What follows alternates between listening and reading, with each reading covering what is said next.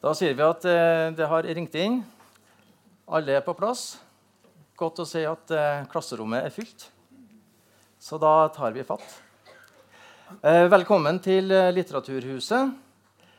Velkommen til en eh, temakveld.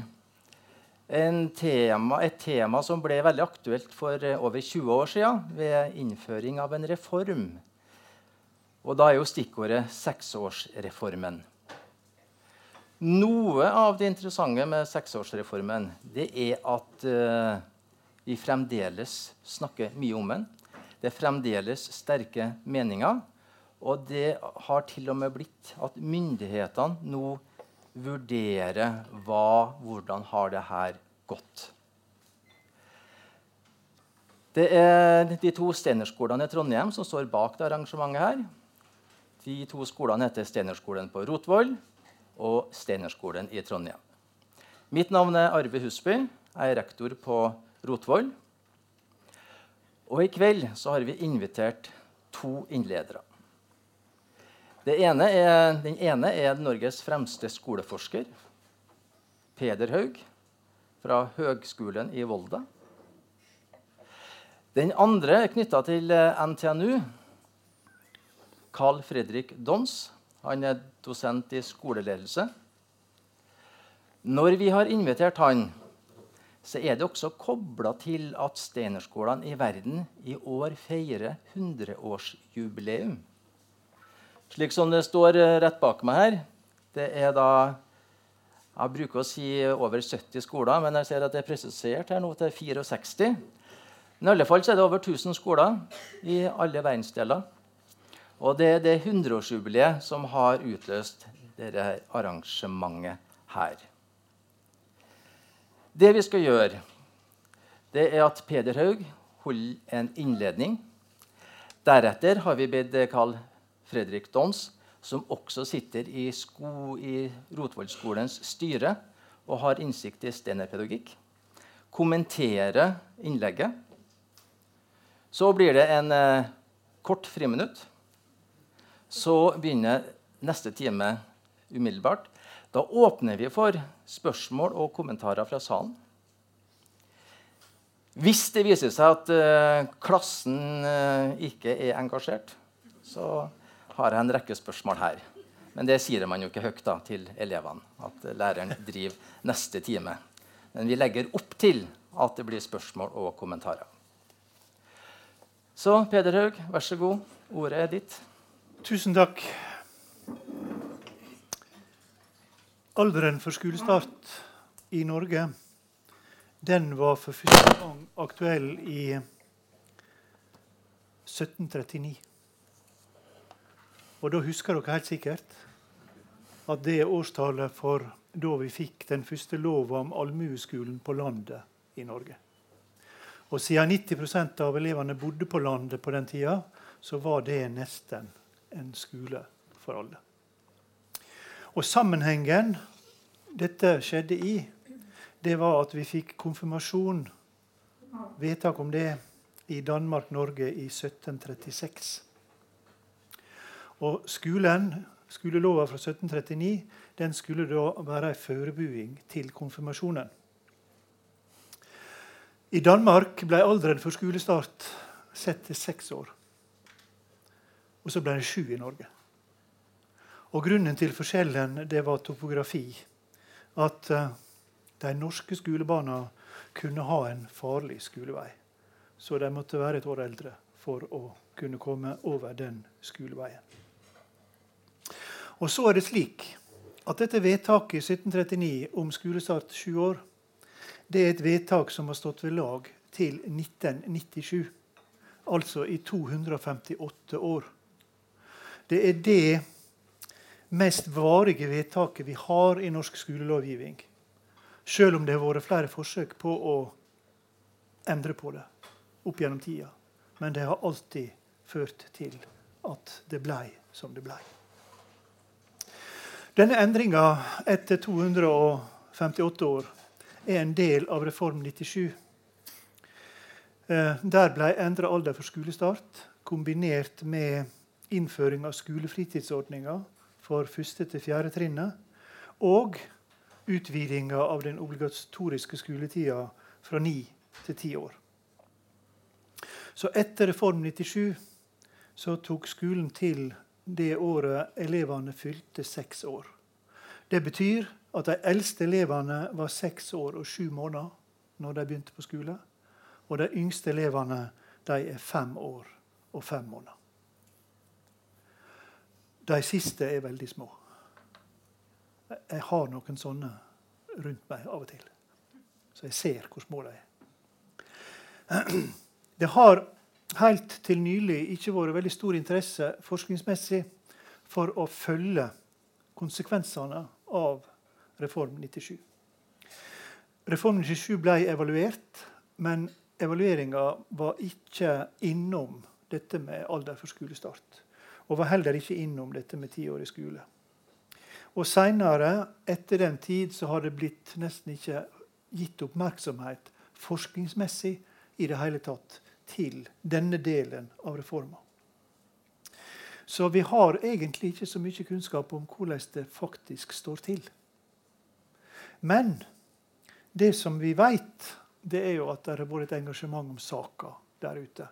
Så vi har i alle fall mange fortellinger om hvordan det står til. Men den forskninga som jeg kjenner til på dette feltet, den følger to spor. Og jeg skal gå inn på begge sporene, og begge sporene er veldig viktige, og de henger veldig sterkt i hop. Det ene sporet det handler om elevutbytte. Hva slags utbytte kan vi måle av denne reforma i form av elevene sin læring? Og Den andre sporet det er i hvor stor grad og på hva måte har denne reforma ført til endring i arbeidsmåtene i grunnskolen.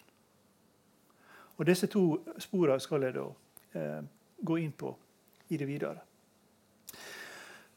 Dette med utbytte for elevene det var et av de mest sentrale argumentene for å senke alderen for skolestart. Og Dette må vi se på bakgrunnen av ei NOU-innstilling som kom i 1988, og som heter 'Med viten og vilje', og som Gudmund Hernes hadde ansvaret for. Og Denne innstillinga den sammenfatter diskusjonene om og bekymringa for kvaliteten på norsk utdanning mot slutten av 1980-tallet. Og den tar til med ord som er enormt mye siterte, nemlig disse. Utfordringen for norsk kunnskapspolitikk er at landet ikke får nok kompetanse ut av befolkningens talent. Konteksten for Reform 97 var med andre ord uro for nivået på den nasjonale faglige kompetansen.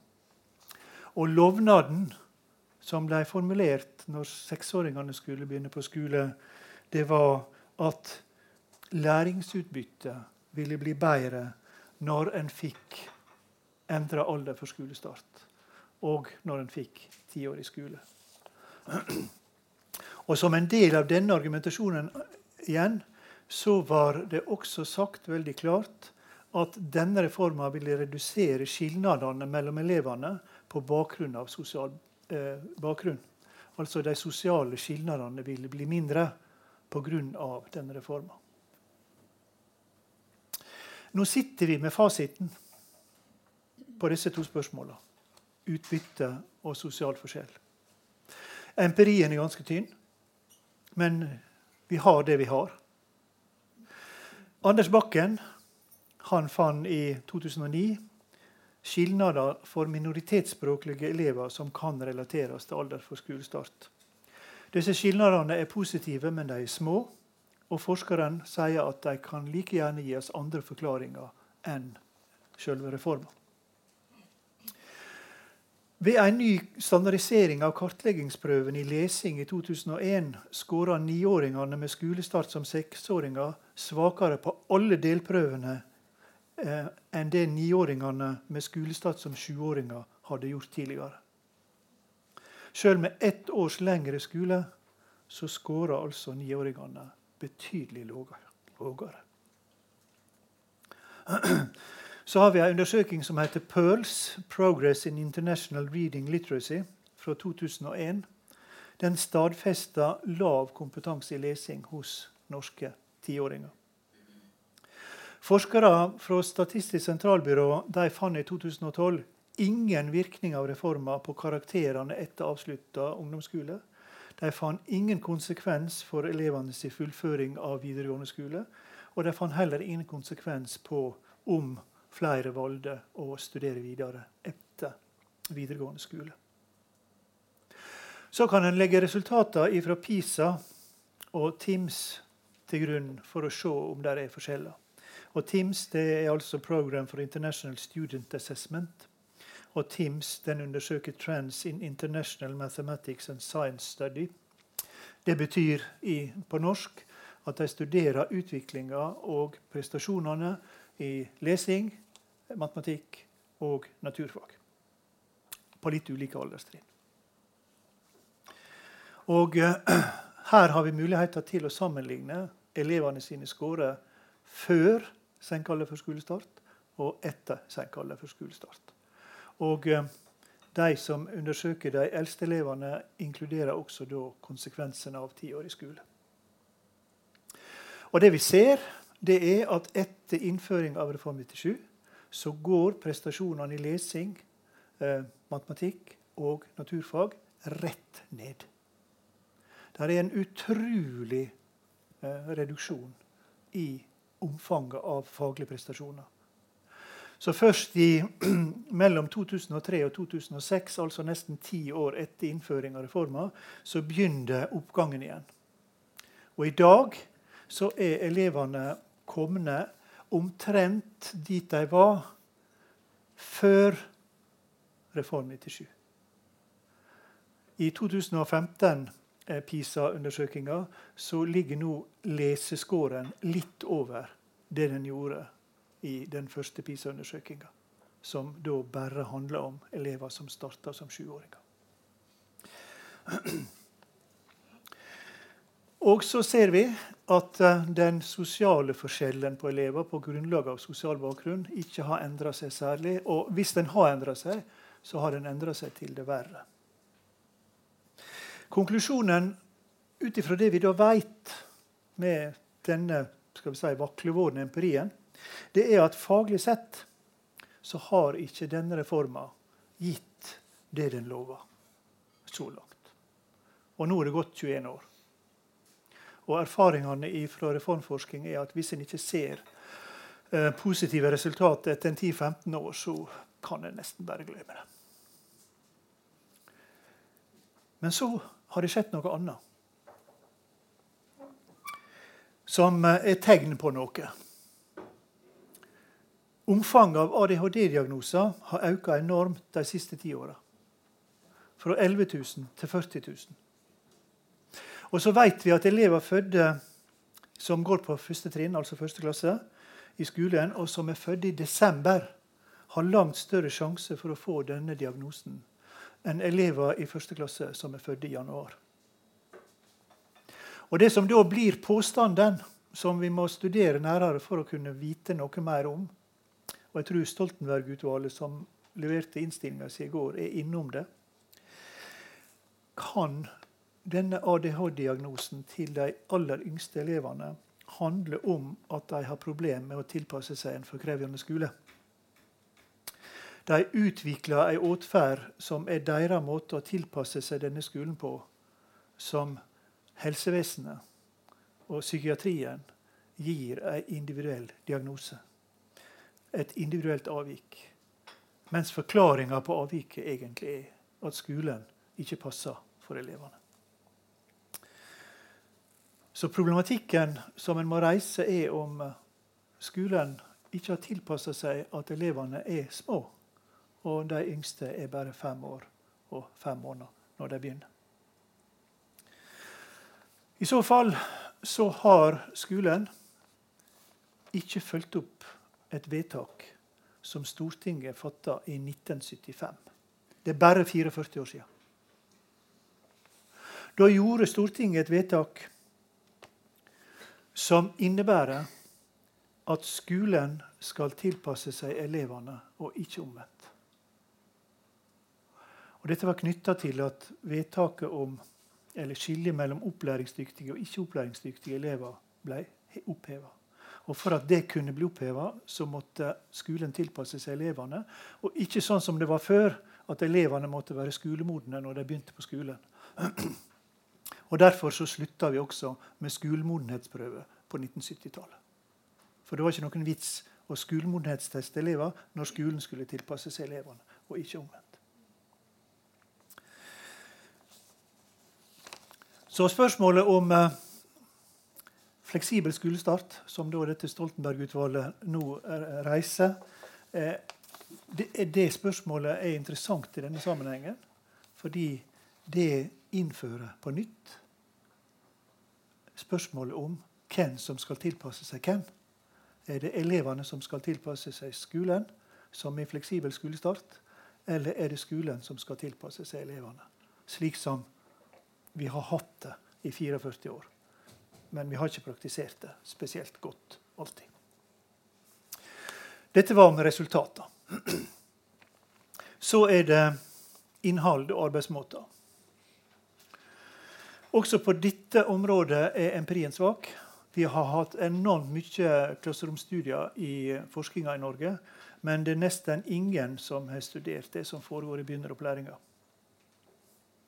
Men som sagt, det har vært veldig stor interesse for saka i, i praksisfeltet, som det heter. Men for å forstå hvordan denne uroforma har utvikla seg, så må vi faktisk tilbake igjen til det som skjedde før vedtaket om seksårig skolestart ble gjort på begynnelsen av 1990-tallet.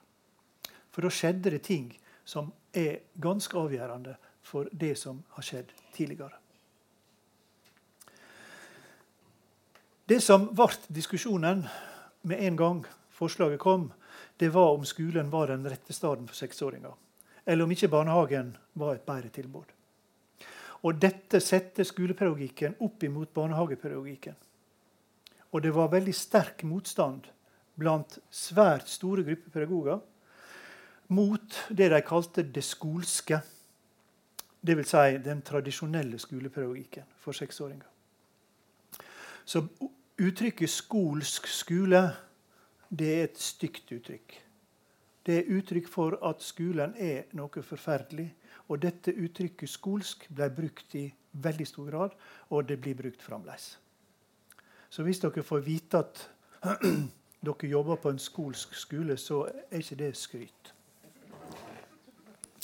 At barnehagelærerne engasjerte seg i denne saka, er nesten selvsagt. Og det gjorde de. De tapte kampen i Norsk Lærerlag mot uh, lærerne. Men lærerne i Norsk Lærerlag var ikke spesielt interesserte. Men de var veldig engasjerte i å få ett år ekstra skole. Så dermed så gikk de inn for det. Men barnehagelærerne kjempa tappert imot. Og så fikk de med seg andre aktører. Og Jeg skal nevne noen av dem, bare for å dere skal få liksom, en viss kjensle av hva dette handler om. Og dere vil også få en kjensle av at uh, det kunne være ganske beiske kommentarer som kom imellom aktørene. Norges husmorforbund var f.eks. en viktig aktør. Og Grunnen til at de var viktige, det var at de, det er en stor organisasjon. Og de var redde for at reforma skulle gi dårligere vilkår for barn.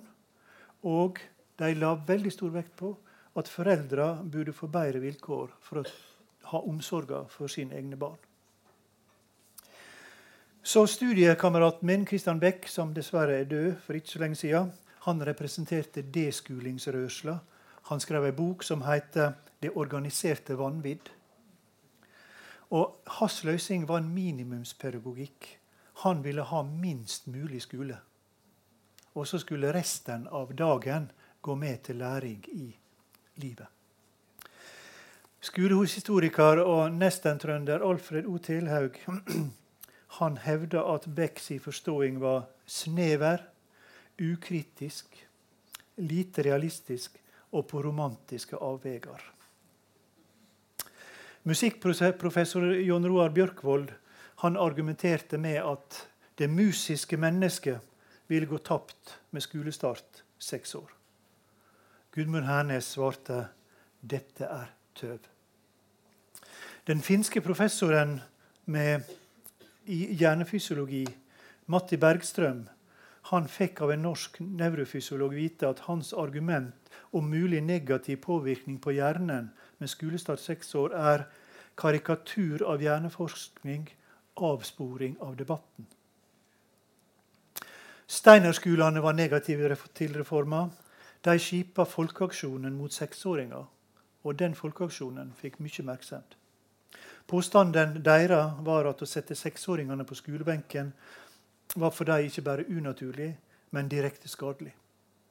Og De tok også initiativ til en bok som het 'Amputert barndom', som Vidar-forlaget ga ut, og som argumenterte sterkt for å bevare skolestart seks år.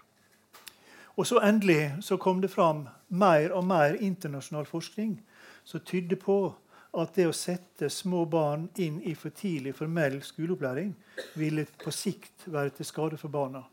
Og Da var ikke det så mye hjernefysiologien en var opptatt av, som motivasjon og det å si, oppleve seg sjøl som et uh, helt individ. Og så var det slik da, at Stortinget delte denne skepsisen. Og mellompartiene Vi veit ikke hva mellompartiet er lenger. Men på dette tidspunktet så var mellompartiene Venstre, Kristelig Folkeparti og Senterpartiet de var veldig kritiske. SV var veldig kritiske. Og i Arbeiderpartiet var det delte meninger, men det var stor tilslutning der også til at en vanlig skole for seksåringene ikke vil være bra. Og Løsninga gikk til slutt på at den nye førsteklassen skulle ha sitt tydelige preg av barnehagen. Og så var det noen i departementet som kom med et retorisk mesterverk. Og de er flinke med slike retoriske mesterverk, for de er uangripelige. Og mesterverket denne gangen det var at arbeidet i den nye førsteklassen skulle være prega av det beste fra barnehagen og det beste fra skolen. Og det går ikke an å være imot. Og dette kalte de overgangspedagogikk.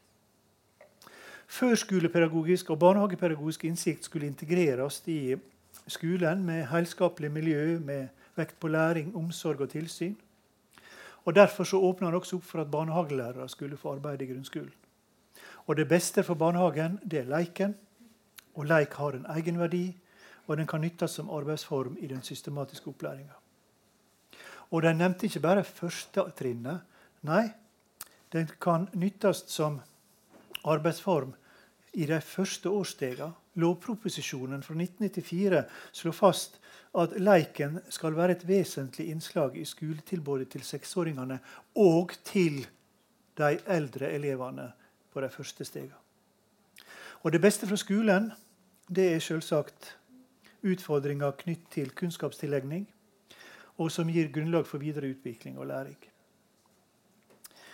Så synspunkter om at for tidlig formalisert undervisning og for rask progresjon kan gi dårligere læringsutbytte på sikt, fikk gjennomslag.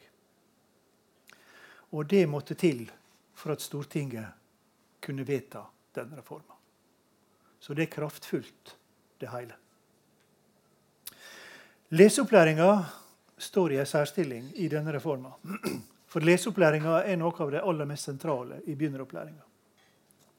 Og der fikk denne reforma store konsekvenser. For i planene for første klasse, altså i læreplanverket for, for uh, Reform 97, så står det ingenting om leseopplæring. Det er først i andre klasse den formelle leseopplæringa skal starte. Og Der står det i opplæringa skal elevene bruke bokstavene og gradvis erobre lese- og skrivekunsten. I andre klasse. Ikke i første klasse. Men når jeg nå har granska si, oppslutninga om denne, disse formuleringene, og spesielt sett på hvor, hva slags gjennomslag de har fått i læreplanen, så er resultatet av det relativt beskjedent. Det faget som er mest opptatt av leik, det er kroppsøving. Mens de andre fagene, matematikk og norsk osv., de, de nevner kanskje leik en gang eller to, men, men, i veldig liten grad. Så det er et viktig poeng å vite at uh, reforma, eller denne delen av reforma er svakt fundert i Stortinget. Det var forhistoria. Så er det starten. Og starten på seksåringsreforma den var helt fantastisk. Det, alt gikk på skinner. Alt fungerte fra dag én. Alle seksåringene i Norge begynte på skolen. Skolen var bygd om mange plasser. Skolefritidsordninga var stort sett på plass. Og tiårig skole var liksom ikke noe å ha på plass akkurat første dagen, men tiårig skole var også etablert og fungerte. Så alt strukturelt gikk som smurt. Kommunene var forberedt på det praktiske og fikk det til veldig godt. Men det faglige og pedagogiske det var ei utfordring. Og den utfordringa kom i stor grad utafra. Og den kom i 2001 med de første PISA-resultatene. Som sammenligna 15-åringene sine ferdigheter i lesing, matematikk og naturfag. Vi fikk resultater fra PIRLS-undersøkinga i 2003, som studerer leseopplæringa.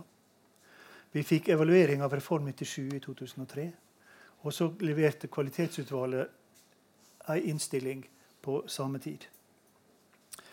PISA-undersøkinga viste at elevene våre var gjennomsnittlige i OECD i lesing og realfag.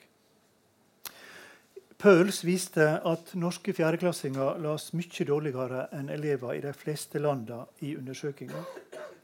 Evaluering av Reform 97 konkluderte generelt med manglende læring og lite tilpassa undervisning. Kvalitetsutvalget foreslo å innføre begrepene basiskompetanse og grunnleggende ferdigheter. Og lesing var en av disse grunnleggende ferdighetene.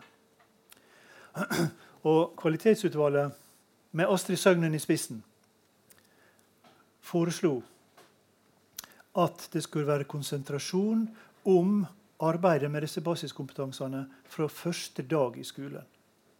Og det ble også etter veldig kort tid resultatet. Og det å starte med øving på basiskompetanse første skoledag ville, hevder de, gi en betydelig læringsmessig gevinst.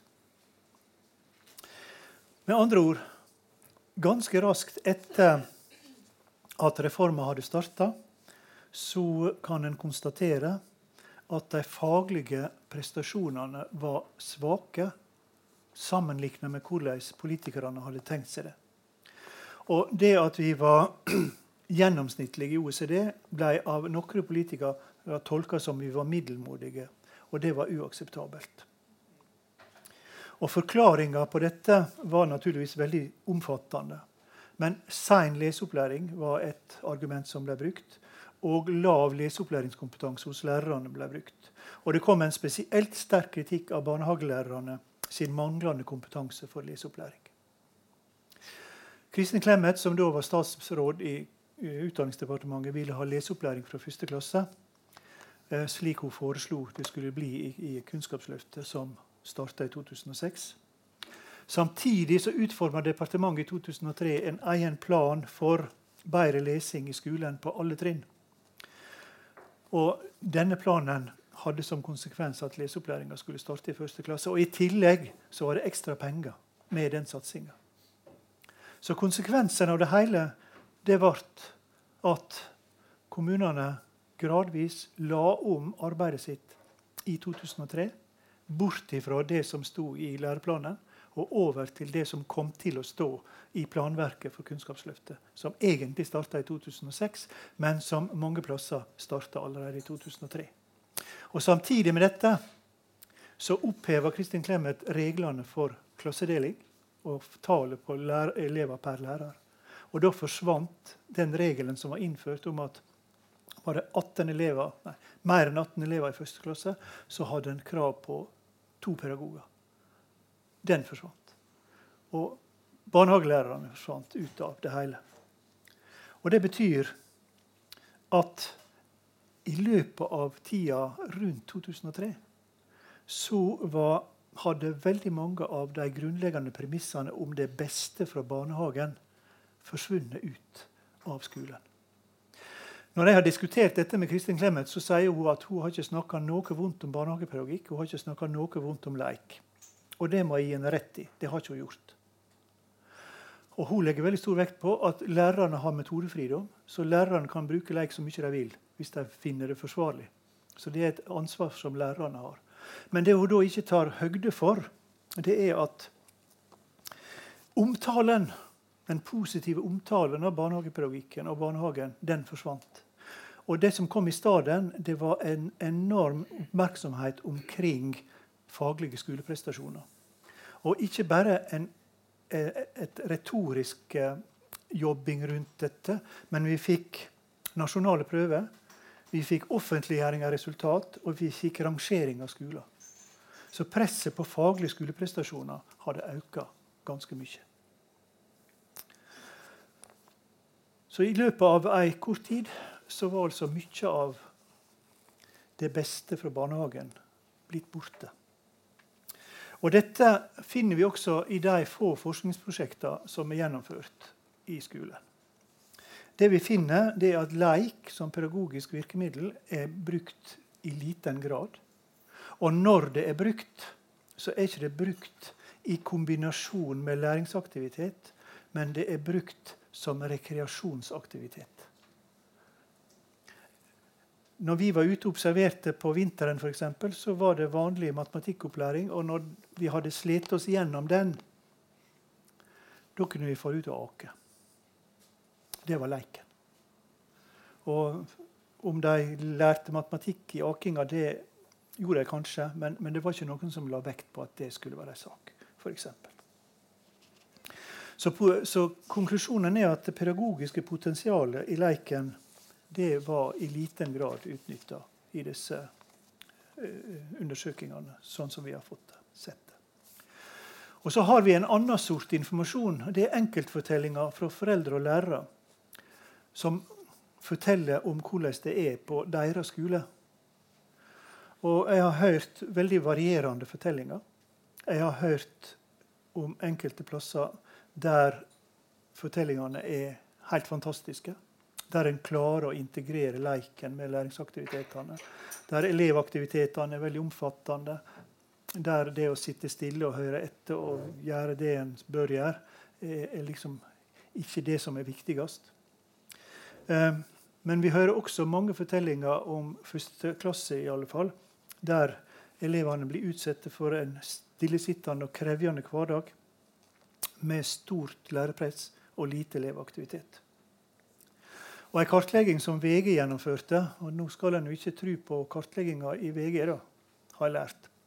Men de fant ut at ca. halvparten av lærerne i første klasse som fikk spørsmål, de mente at de fikk for lite tid til leik. Disse ulike fortellingene, og spesielt de negative fortellingene om hvordan første klasse ser ut, førte til et møte på Stortinget i fjor, høst, i fjor vår og Det møtet førte til et Dokument 8-forslag som førte til at Stortinget vedtok at en skal evaluere arbeidet i første klasse. Men først så skulle Kunnskapssenter for utdanning gjøre en kunnskapsstatus om hva vi vet om eh, begynneropplæring. Og det de konkluderer med, det er det ene som vi sikkert visste, nemlig at det som skjer de første åra i skolen, er avgjørende for den videre utviklinga. Så stadfester de at lekeprega aktivitet med vekt på elevinitiativ og elevaktivitet vil være en styrke for kvaliteten på opplæringa. Altså slik som en sannsynligvis hadde tenkt da en vedtok denne reforma. Men eh, hvem som skal evaluere denne, og hvordan, det vet jeg ingenting om. For det har ikke kommet lenger enda. Til slutt så vil jeg peke på ei lite påakta utfordring. Ei utfordring som nå ser ut til å komme på nytt gjennom um, særlig Stoltenberg-utvalget si innstilling. Og det handler om å skape det beste fra barnehage- og skoletradisjonene. Altså dette retoriske mesterverket. For det som viser seg, det er at det er i praksis veldig vanskelig å praktisere denne retorikken. Altså, Hvordan går en fram i praksis for å få dette til å fungere?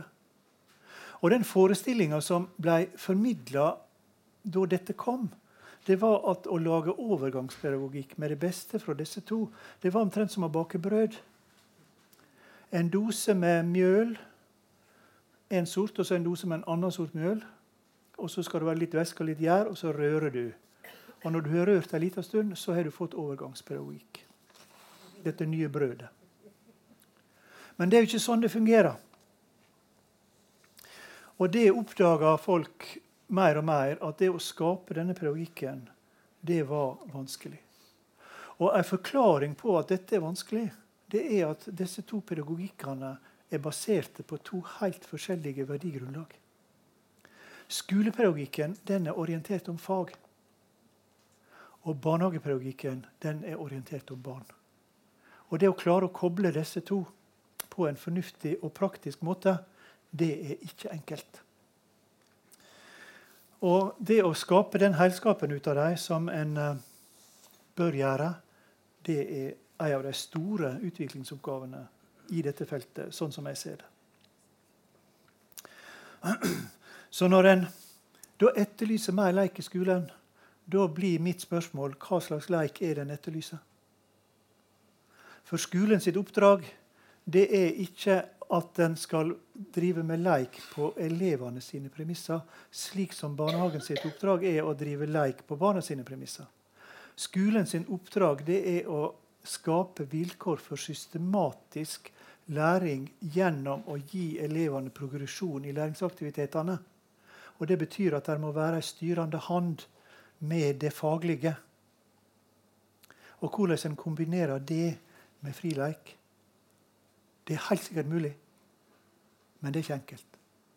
Så det å være opptatt av hva disse utfordringene handler om, og hvordan en praktisk skal klare å få dem til å virke, det syns jeg er den store utfordringa. Derfor er jeg veldig spørrende når folk sier om aktiviteten i skolen at leik er læring. For meg er ikke det nok. Jeg vil vite hva slags læring og hva slags leik. Og det ser jeg på som utfordringer. Takk.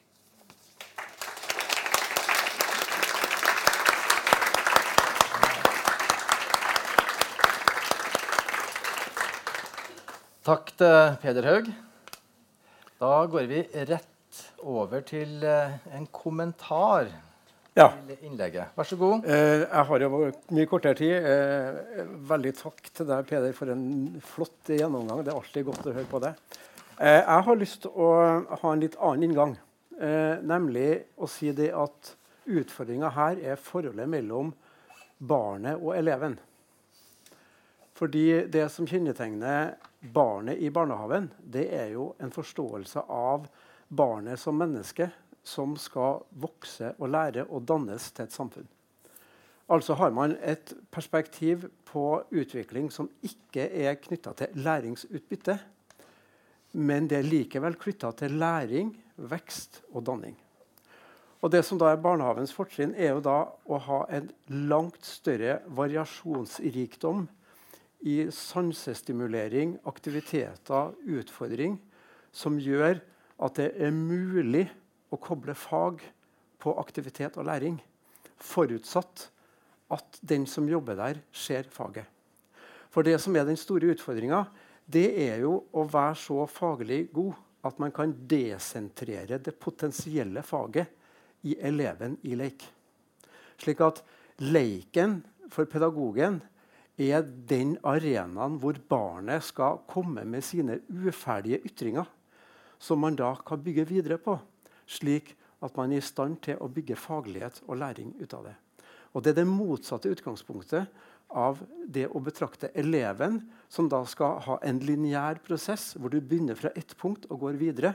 Hvor du starter da i første klasse og ikke i andre klasse med leseopplæring. Istedenfor å se på at er, vi må faktisk vite noe om barn for å vite hvor vi skal begynne den ulike prosessen. Eh, Knytta til seksårsreformen så var jeg en del rundt og observert i, i, i barnehage. En interessant observasjon det var da en rolleleik. Hvor eh, de har da den klassiske rolleleken med konge, prinsesse og prins. Og alt mulig sånn. Og så blir prinsessa sur og fær. Og leken stopper. Da er det en av dem som finner ut av dette må vi jo løse på. Og så går det noen minutter drar til førskolelæreren og så spør om å få noe papir og tegne fargestifter. Og sånne ting. Og fem minutter etterpå så henger det på oppslagstavla følgende tekst. Ny prinsesse søkes. Eh, altså en funksjonell innlæring i forhold til å, å jobbe med, med, språk. Og, og, det en del eh, forskning viser, er jo det at barnehavens arbeid med språk er stimulerende, det er kreativt. Eh, barnehagens arbeid med lesing og tekster det er knytta til å senke tempoet, gå i detaljer, overdrive, bringe inn humor. Mens skolens tekstarbeid handler veldig mye om å gripe essens. Det poengterte. Altså det er to forskjellige kulturer i å jobbe med tekst. Og Begge er viktige kulturer. Men spørsmålet er jo hvordan starter du prosesser her for å være sikker på at du har med barn i barns livsverden. For er det slik at man da får utfordringer nok knytta til en faglighet, så kan du oppdage sånn som en annen observasjon jeg gjorde av en femåring som da opplevde norsk barnehage sitt beste. Hvor de var på Munkholmen og studerte Griffenfeldt, de var på Ringve og studerte Tordenskjold. Eh, de var i Bifrost, de modellerte Bifrost, de var i norrøn mytologi. Altså, de var bada i historisk kunnskap på ulike måter, både fysisk og praktisk. Og så sier han femåringen plutselig en dag til førstelæreren Du, si meg en ting. Hvorfor kom gamle dager først? Og Det er noe i essensen av at du driver med faglige aktiviteter som berører livsverden til ungene. Og I vår tid hvor vi da nå snakker om dybdelæring, så bør vi også se på dybdelæring i forhold til breddelæring. Og breddelæring betyr at det er kontakt mellom det du skal i dypet i, og de ulike deler av livsverdenen du er en del av. Som menneske og barn. Og Det blir større og større utfordra, fordi barn lærer ganske mange ting i andre kontekster enn skole. Men skolen vil ikke alltid greie å ta det inn, fordi skolen har sitt program. Og skolen er ikke der på barns eh, premisser. Eh, sånn at eh, jeg tror at det hjelper ikke å differensiere skolestart. Det hjelper ikke å, å, å på en måte lage programmer. Du må faktisk ha en langt større grad av bevissthet av at du skal må forstå barn gjennom å forstå de gryende resonnementene knytta til f.eks. hvorfor kom gamle dager først, som er et ganske interessant filosofisk spørsmål å gå, å gå videre på. Eh, de gryende spørsmålene knytta til man begynner med funksjonell skriving fordi man faktisk har behov for å skrive. Eller som jeg opplevde i en barnehage, hvor det satt en fireåring og en seksåring og spilte sjakk. Og så vant seksåringen. Uh, det her var altså før reformen. Og så var han fireåringen var en nokså sånn ambisiøs type, så han ble steinsur. Og likte ikke dette. da. Så, så skal førskolelæreren forklare, så sier at du, du skjønner jo det at uh, han er jo to år eldre enn deg, så det er ikke så rart at du taper. Nei, sier han fireåringen. Han er bare ett år eldre enn meg. Da må du høre her nå, sier læreren. Nei, sier førskolelæreren at uh, nei, altså du er fire år, og han er seks år. Da er det to år imellom, vet du. Nei, sier han gjennom året. ett år eldre enn meg. ja. Og så går jo på en måte førstelæreren over inn i skoleverden og skal begynne å argumentere for hvorfor hun har rett. Og så bruker hun selvsagt da, som vi ofte gjør hvis vi betrakter det som et mengdeproblem, vi bruker fruktfatet. Har du, har, du, fire bananer og legger til to, så har du seks. Har du seks epler og tar bort fire, så har du to. Kjørt hele fruktfatet. Men så sier han Likkjen der, sånn, som en gryende ambisiøs tenker, så sier han kan ikke du høre på meg, da? Jo, det kunne. Og så sier jeg altså, jeg er fire år, og han er seks år. Da er det fem år imellom. Og det er klart at Hvis den førstelæreren har hatt litt matematikkinnsikt, så ville man ha sett det at denne karen her driver nå og begynner med et gryende tallinjeforståelse. Så nå er det tid for å jobbe med det. Det er for meg eksempler på at unger basker i sin livsverden. Voksne må være oppmerksom på resonnementer, og så må læringsaktivitetene bygges rundt det. Og En av utfordringene med leiken i skolen når det var innført, det var jo det at lærerne deltok ikke i leken. Så de hadde ikke muligheten til å identifisere hva det egentlig som foregår. Hva slags type lek er det her som foregår? Hva slags symboler er det som er på spill her nå? Hvilke språkregler eh, er det som er gyldige her? De hadde ikke sjans fordi de var ikke en del av leken. Mens det faktisk er førskoletradisjonen, er at man faktisk er sammen med barna i lek. Og det at du har da lærere som nærmer seg elevene på en sånn måte at de setter dem i virksomhet for å prøve å forstå, for i neste omgang å tilrettelegge, det er jo en av de store utfordringene vi også ser nå, når vi skal ha ulike typer strategier for observasjon i klasser. F.eks. det som i skoleverket nå heter lesson studies, som skal handle om at lærere planlegger en undervisningsøkt. Man går inn og så skal man observere elevene i den økta for å tenke gjennom hvordan skal vi nå da forbedre den læringsøkta. Det som skjer, er jo at Lærerne greier ikke å holde fokus på eleven. De har ikke presist nok språk til å forstå hva som bare er eleven. Og så fokuserer de på læreren. Og så er de mer opptatt av hva læreren skal gjøre neste gang, enn at man har analysert hva som er elevens problem. Så hovedutfordringa med seksåring, femåring, er det at vi trenger en langt større kompetanse både å forstå dem og deres livsverden, og en langt større fagkompetanse i skolefag til at vi er i stand til å desentrere faget i eleven. Altså det gryende faglige resonnementet som foreløpig er feil, men som er starten på et korrekt resonnement. Så Det er en type dreining vi, vi, vi, trenger, og vi trenger en langt større fokus på den analytiske forståelsen av hvordan skal vi ta tak i det vi ser når barn er i leik, og hvordan kan vi fagliggjøre det. Og Det er en helt annen dreining enn det som skjer i skolen. Og det skjer for så vidt heller ikke i barnehagen. slik at det er vanskelig å snakke om det beste fra det beste. Fordi vi trenger faktisk noen nye perspektiver. Og det blir viktigere og viktigere for barns livsverden foregår på ulike arenaer.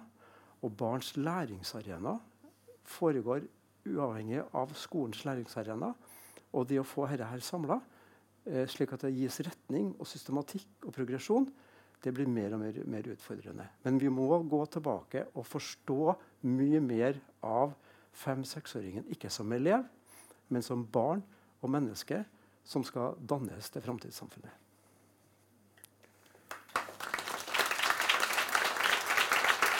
Tilbake.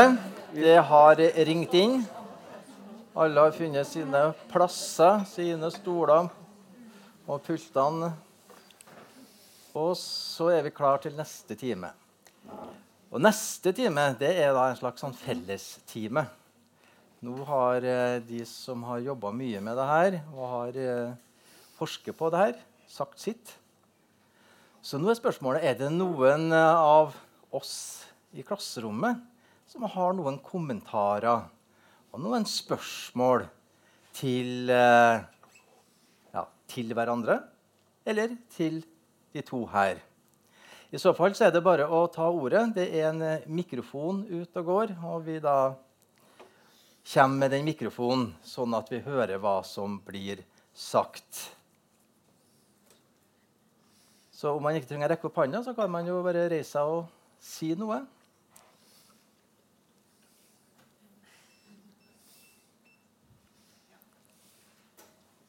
Der er den. Et lite øyeblikk, så får du mikrofonen. Oi. Hei, jeg heter Kjerstin. Jeg er lærer. Jeg har også barn.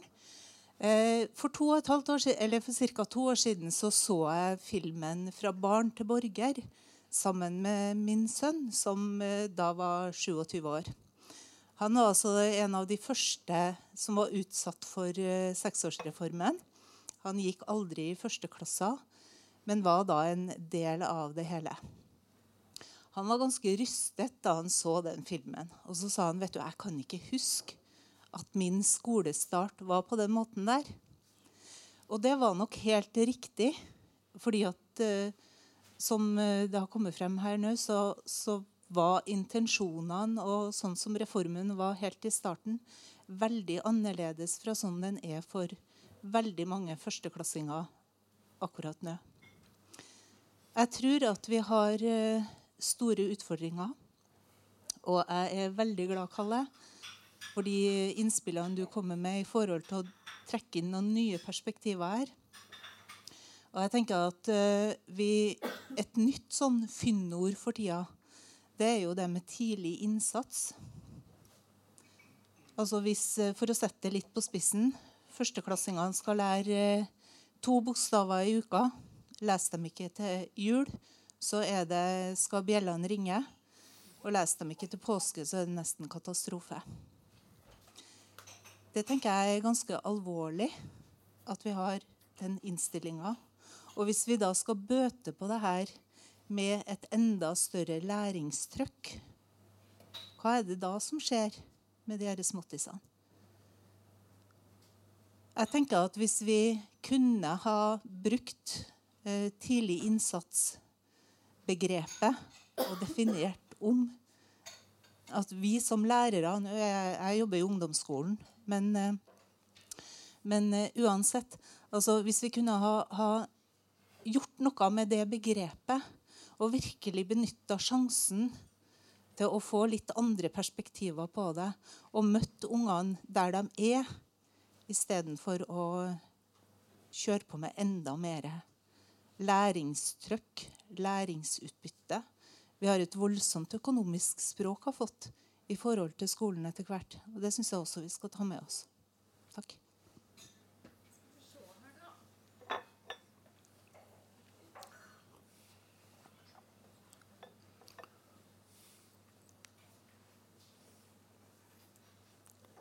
Ja, ordet er fritt.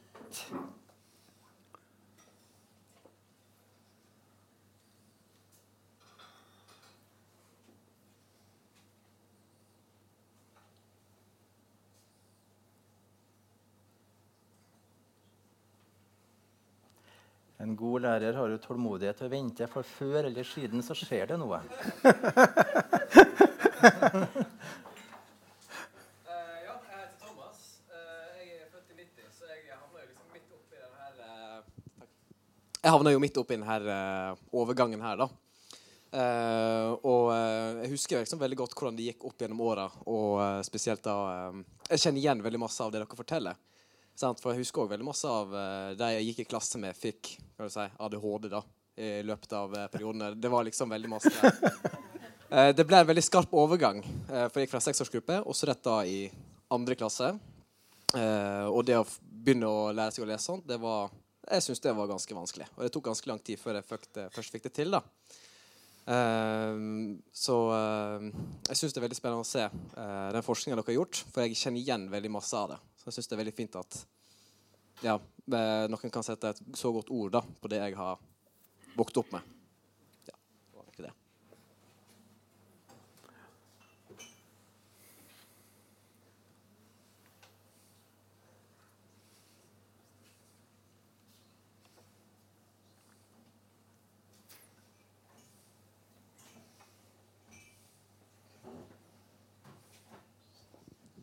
Hei, Jan Horvik heter jeg. Jobber i kommuneadministrasjonen, med sko bygger skoler, bl.a. Um, det er flere refleksjoner som jeg sitter og gjør med. Um, en ting som jeg er litt nysgjerrig på, som du, du var så vidt inne på det, Peder, men også det her med SFO uh, sin rolle midt oppi det her. Um, det går an å diskutere altså, hva kom først, høna eller egget. Altså, når vi de siste årene har opplevd at enhetsskolen, fellesskapsskolen, er satt under et relativt stort press. Uh, opplæring er blitt en, mer en individuell greie. Hver, hvert enkelt barn skal ses. Kalle, du var inne på det et par ganger i ditt innlegg også. Altså, er ikke det en enda større fare kanskje i det vi står i nå? Altså at vi er i ferd med å individualisere læringa. Um, Tilpassa skolestart det er også et, diskusjonstema i den sammenhengen. Er det sånn at tilpassa skolestart, at man starter på skolen når det passer seg? Vi hadde forsøk med det for vel ti år siden i Trondheim kommune. Erfaringen var blanda, kan man vel si. Så rett og slett spørsmålet egentlig til dere begge to litt. Er det sånn at diskusjon rundt enhetsskolen, fellesskapsskolen, mange fine navn om det, er det kanskje en enda større utfordring enn spørsmålet om når begynner man på skolen? Altså, jeg syns dette henger sammen. Um, fordi vi har hatt en fellesskole, en fellesskolestart med mulighet for litt uh, variasjon. Og grunnen til at det har vært slik, det har jo først og fremst sikkert vært at det var praktisk. At alle begynte på samme tid og gikk i klasse. Men det som ligger bak der, det er jo omsynet til fellesskapet. Og omsynet til det å skape si, relasjoner mellom barn og mellom barn og voksne som skal være så sterke at de er å leve med og leve på videre i livet. Og når en nå da begynner å individualisere dette veldig mye, så, så bryter en problematikken rundt dette fellesskapet og rundt disse relasjonene. Og det har allerede skjedd i stor grad med tilpassa opplæring. For jeg møter fremdeles folk som tror at tilpassa opplæring er en juridisk rett som elever i Norge har. Og det er det ikke. Tilpassa opplæring er noe lærere skal prøve å få til innenfor de rammene som læreren har tildelt. Så Det betyr at for læreren så er fellesskapet det som er skal vi si, pri én. Innenfor det fellesskapet så skal en ta så mange individuelle omsyn som det er mulig praktisk. Men en skal ikke løfte fram det individuelle perspektivet på bekostning av fellesskapet. Og nå med, Hvis vi skal få fleksibel skolestart, så blir vi et nytt individualiseringstiltak som du er inne på, og så undergraver det enda mer uh, denne fellesskapsgreia.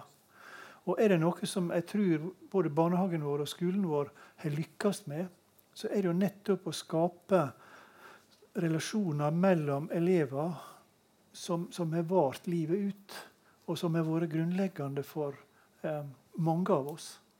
Og Hvis vi skal begynne å røre ved dette fundamentet, da begynner jeg å bli urolig.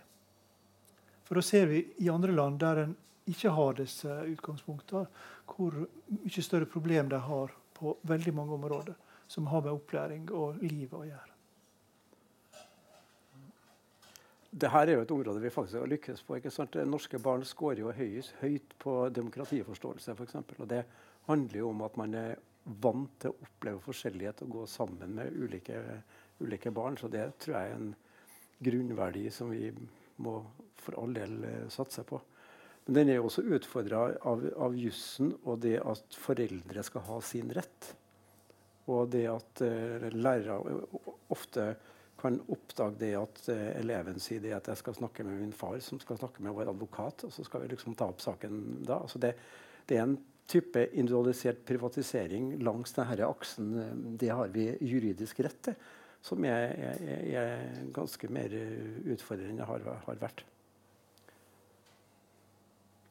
Og det blir jo ikke bedre med 9A og en del sånne type ting.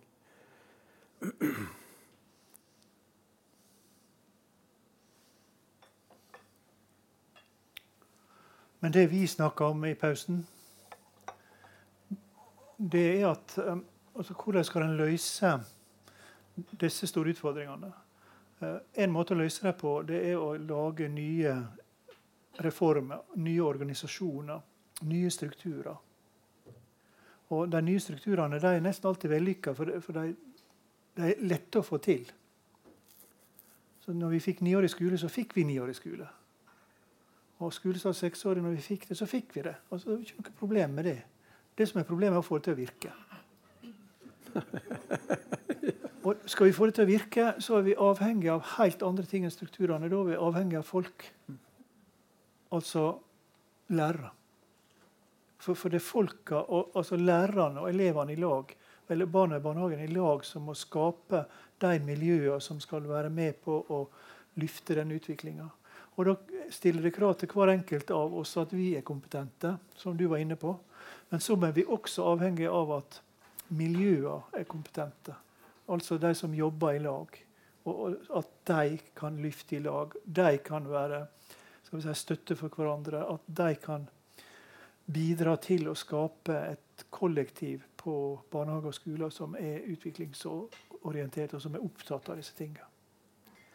Så, så der tror jeg at det er mye mer, er mye mer å hente enn av å lage nye læreplaner og få et ellevte år for de som ikke klarte seg i ti år på grunnskolen.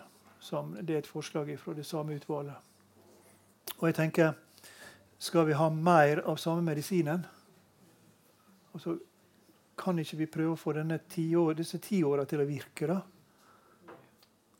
Og kanskje vi begynner å diskutere hva vi skal gjøre der for å få ting til å fungere? For jeg tenker på disse elevene som og, og, Når jeg sier det, de er små, så er det fordi jeg har et barnebarn som var for tidlig født. Og hun begynte på skole i fjor. Og så går i andre klasse nå. Og når hun gikk på skolen første dagen, så var hun jammen lita. Og, og, når du tenker på denne store skolen, denne mastodonten en, altså På den skolen hun går, så er det 300 elever.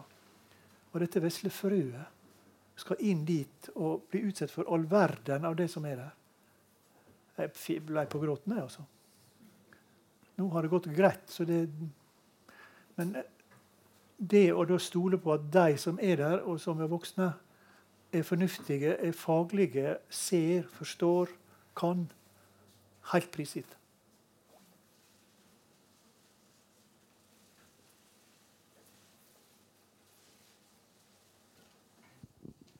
Hei, eh, Magnhild Nordahl Eggesbø. Jeg er rådgiver i fysisk læringsmiljø i Trondheim og barnehage. Eh, skole og barnehage i Trondheim. Jeg har lyst til å stille et kritisk eh, spørsmål til oss sjøl som pedagoger. Jeg jobber både med barnehagepedagoger og skolepedagoger. Jeg ble veldig overraska og forundra og frustrert over min egen pedagogstand i forhold til hvordan en tenker om læring, og hvordan en tenker om sine egne arbeidsmåter. I forhold til hva vi vet barn trenger i forhold til eh, mangfold, variasjon, hvordan du lærer, hvordan den lille jenta di har begynte på skole, hva er det hun trenger. Jeg vet at det er store klasser, det er mange variasjoner, mye mye vi skal gjøre, men likevel jeg blir frustrert og forundra over at vi som er pedagoger, har så lite variasjon i arbeidsmåter. Jeg har bare lyst til å si det, så kan dere hjelpe meg å svare på det, så er det fint. Eller andre i salen.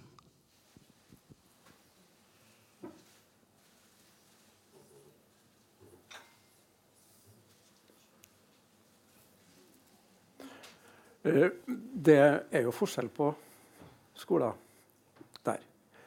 Og, og det vi ser eh, f.eks. fra ungdomstrinn i utvikling, eh, så ser vi jo det at det er noen skoler som greier å ha en løpende samtale om hvordan er det vi jobber sammen. Og ha en løpende samtale hvor vi i fellesskap undrer oss sammen over hvordan vi kan på en måte variere og gjøre ting på andre, andre, andre måter. Uh, så det, det, er jo sånn at i, i, Norge så har vi jo langt mer tid til samarbeid i skolen, til å snakke sammen, enn de fleste andre europeiske land. De underviser mer i andre. Og spørsmålet er jo kan vi utnytte den tida på en sånn måte at vi jobber bedre med å finne fellesskapsløsninger? Kan vi dele kunnskaper om hvordan vi jobber på en mer systematisk eh, måte? Slik at vi har, en kollektiv orientering om hva er det som skal til. Eh, jeg tror at, jeg syns å se en del forskjell på, på, skoler som får til å ha det her fokuset på at vi snakker om det vi jobber, har et fokus på hva vi skal forbedre på, dele erfaringer og kunnskaper både om elevgrupper og måter å jobbe på. Eh, jeg, tror svaret ligger der. Og det tror jeg i hvert fall svaret ligger der i forhold til at vi nå, nå går inn i en ny sånn fagfornyelse med fare for at vi ikke får jobba med vårt eget svar som er praksisrelatert, Men vi skal jobbe med oppdragsvarene for å svare på dybdelæring eller andre ord som flakker rundt her. Som kommer med enhver ny reform, så kommer det en del nye ord som man skal holde på med. Og så blir avstanden for stor til det som er den helt konkrete hverdagen, som, som faktisk må være utgangspunktet. Så der tror jeg vi har masse å hente eh, med å fokusere på det. Og jeg jobber jo med ledelse og ser jo at det, at det er kanskje av de viktigste lederoppgavene. Det å få et personale til å bli fokusert på det som tar utgangspunkt i den praksisen vi har, for å forbedre den praksisen. Jeg er også Magnhild, Magnhild er tidligere student. vil si at det er veldig stor variasjon der ute. Der, der er veldig mange som er veldig flinke, og som, som gjør veldig mye veldig spesielt, veldig bra. Men det, den store variasjonen, den, den, er, den uroer.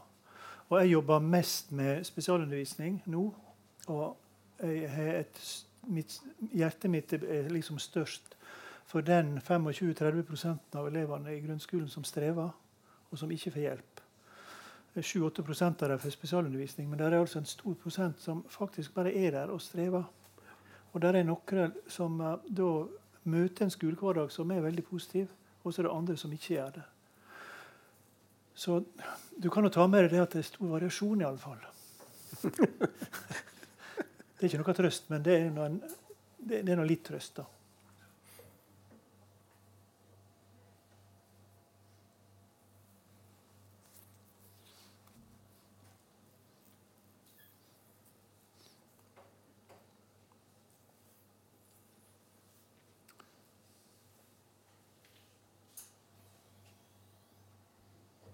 Jo kanskje litt freidig når jeg ber om ordet to ganger. Da. Men uh, jeg er litt spent på den lista de også med spørsmål. Men samtidig så tenker jeg at uh, Jeg hadde faktisk tenkt på ett spørsmål før jeg kom hit.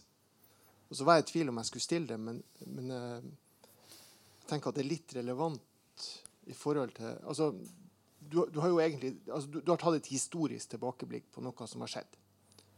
Og så tenker jeg et spørsmål som kunne da vært interessant å stilt, er hvis vi ikke hadde gjort det vi gjorde med seksårsreformen, hva hadde sett annerledes ut da? Uh, F.eks. to alternative scenarioer. Det ene er at vi ikke hadde tatt skolestart uh, for seksåringer. Det er det enkleste, for da uh, Du ga jo svaret egentlig i innlegget. Ingenting hadde sett annerledes ut. Fordi at det endra seg ikke når du eh, gikk ene veien. Så det er ikke noe sannsynlig at det skulle endre seg når du gikk andre veien heller. Eh, spørsmål, det andre delen av spørsmålet kanskje er litt mer interessant. Hvis vi hadde innført skolestart for seksåringer, og ikke gjort det retoriske grepet som du, Peder, eh, beskrev, hva hadde skjedd da? Um, en inngang kan være å tenke at det hadde ikke vært så veldig viktig på et eller annet tidspunkt å, å distansere seg fra leken. Det kan hende at vi ikke hadde kommet så langt over mot det skolske.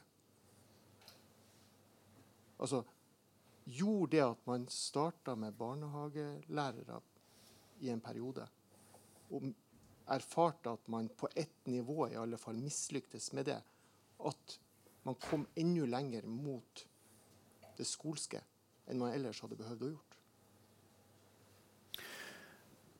Altså Hvis du ser på forholdet mellom barnehage og skole, så eh, har vi jo gått gjennom tre faser.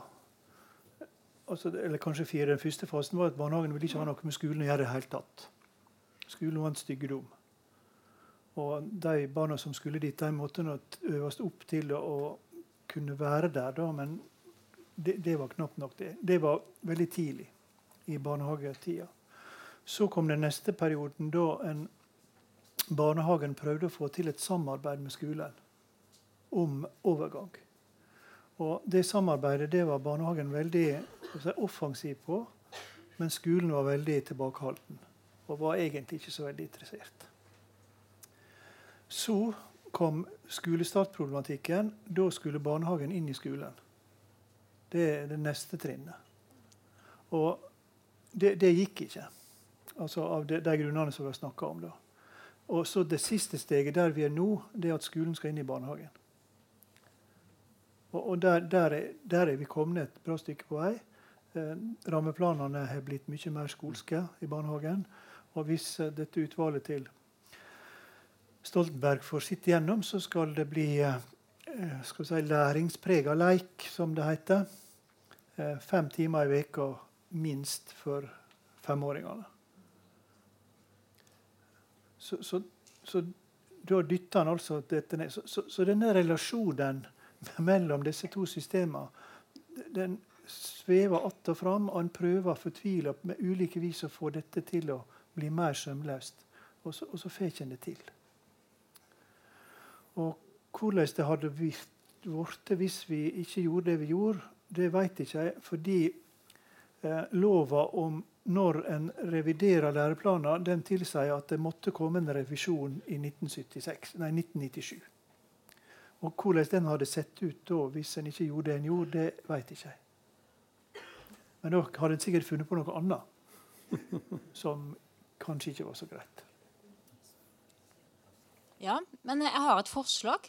Kan ikke offentlig skole kikke litt på Steinerskolen? For jeg syns vi har løst det på en veldig fin måte med å ta kongeåret tilbake for seksåringer, der de er førskolelærere i første klassen. Elevene er på skolen, men de har barnehagepedagogikk. De har en hverdag som er fylt med fjøsstell, med friluftsliv, med aking og ski og skøyter. Og eh, lekbaserte ting. Så jeg tenker Steinerskolen er jo de eneste som har gjort det som 97-reformen egentlig var tenkt som, og beholdt leken i første klasse. Så tenker jeg offentlig skole, var ikke det en uh, god idé å få litt tips der? Man gjør det også veldig forskjellig i Steinerskolene rundt i Norge, men, men uh, jevnt over så har de ja. lykkes mye i å, å ha leken som hoved, mm. hovedbase, da. Nei, jeg er klar over det. Og, og, jeg har tenkt på det, men, men det som er problemet med Steinerskolen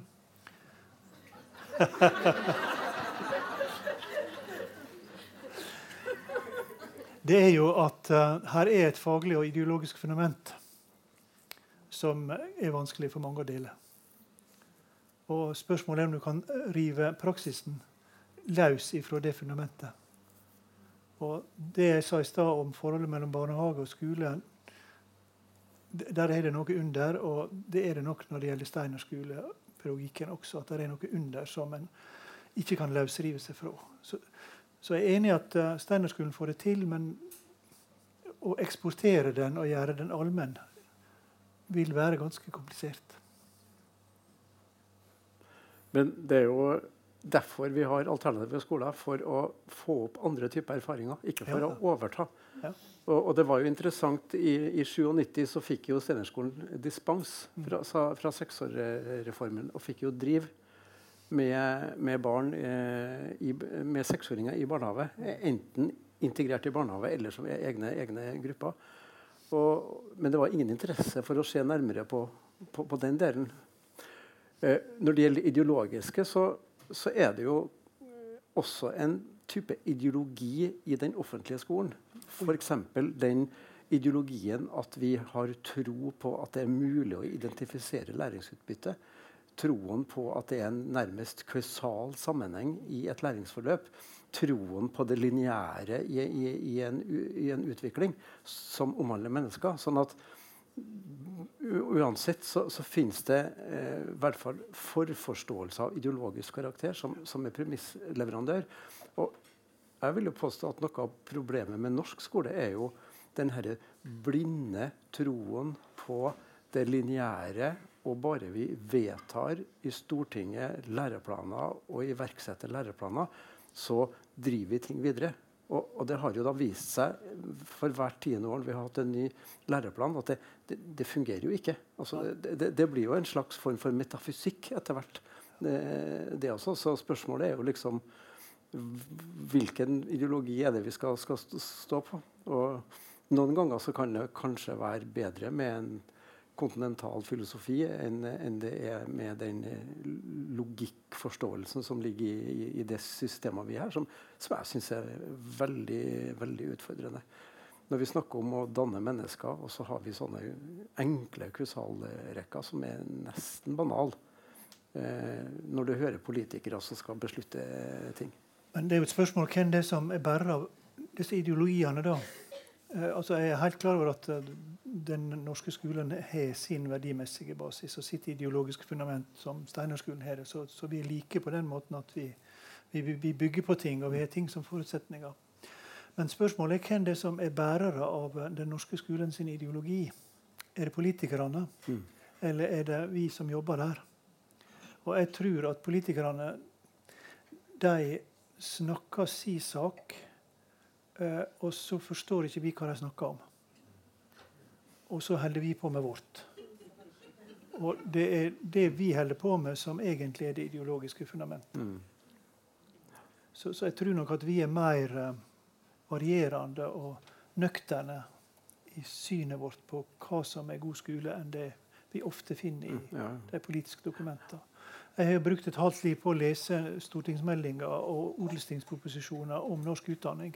Og på et tidspunkt så sa jeg på jobb at jeg blir så kvalm av å lese disse tekstene.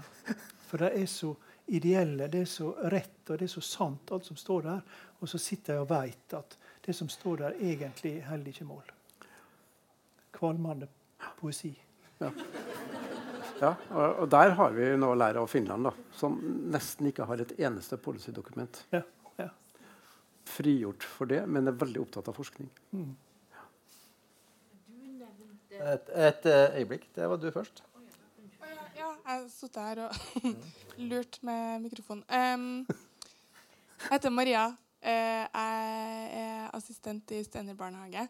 Og nå skal jeg spørre om en ting. Jeg har veldig lite innsikt i på en måte hvordan skolesystemet fungerer nedenfra og opp, ovenfra og ned, og alle de krinklene og kroklene man skal liksom gjennom. Jeg lurer på hvem er det som skal um, liksom begynne å bidra til å løse det her? Det som um, vi vil i forhold til Det var noen som nevnte at man på en måte må um, samkjøre, eller at det er så mye variasjon i hvordan man underviser på, og hva man vil. Og uh, det med å på en måte gjøre at det blir bedre for de uh, små barna som begynner i første klasse. Hvem er det som skal begynne å løse det? Annet enn dere som snakker om det, og vi som får ideer av å høre på dere som snakker om det.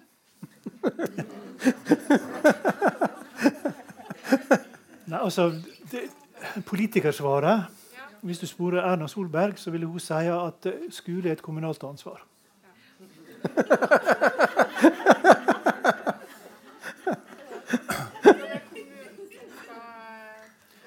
Som skal ja, ja. Og, og, da kommer disse poengene til Kalle her inn. Altså, hva gjør den skoleledelsen med dette? Hvordan organiserer kommunen sakene sine? Hva gjør de for å opprushe personalet sitt faglig? Hvordan bidrar de til å skape kollektive prosesser som er med på å gjøre dette til tema for diskusjon og utvikling? og sånt. Men dette kan du snakke mer om. Ja, og Samtidig så sitter jeg i styret i Senderskolen, så jeg kan gjøre noe med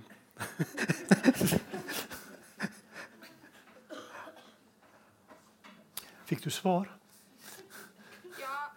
det, uh, ja da, jeg gjorde det absolutt. Men, uh, men um, man vil jo liksom Pedagogene vil jo uh, gjøre det sånn som Jeg, jeg vet jeg, jeg har så mye, Det er så mye som skjer i hodet mitt nå etter å ha hørt på dere. Men jeg bare føler jo at vi må jo gjøre noe med det her. Som um, For at det skal bli bedre. men jeg kan fortelle deg én ting. Altså, når vi intervjuer elever som strever på skolen. Da er det én ting som veldig ofte skjer. Og det er at uh, elevene som strever, sier at hadde ikke det vært for én person, én voksen, som altså har sett og ikke bare sett inn i øynene, sånn som vi gjør nå, men også sett, forstått, tatt seg av, hatt omsorg for, hjulpet, så hadde dette gått helt ad undas. Så det betyr altså at hver enkelt som kan gjøre en innsats for noen, er med på å bidra til at ting blir bedre. For de historiene de er fantastiske å høre på. Og så er de ut utrolig triste, for det er så tilfeldig om en treffer en voksen som er slik. Og det kan være en hvilken som helst voksen? Oh, ja, absolutt. Helt uavhengig av utdanning, jobb oh, ja, alt mulig sånt. Det, eh, det er voksen er en voksen, og voksen er viktig for barn. Ja.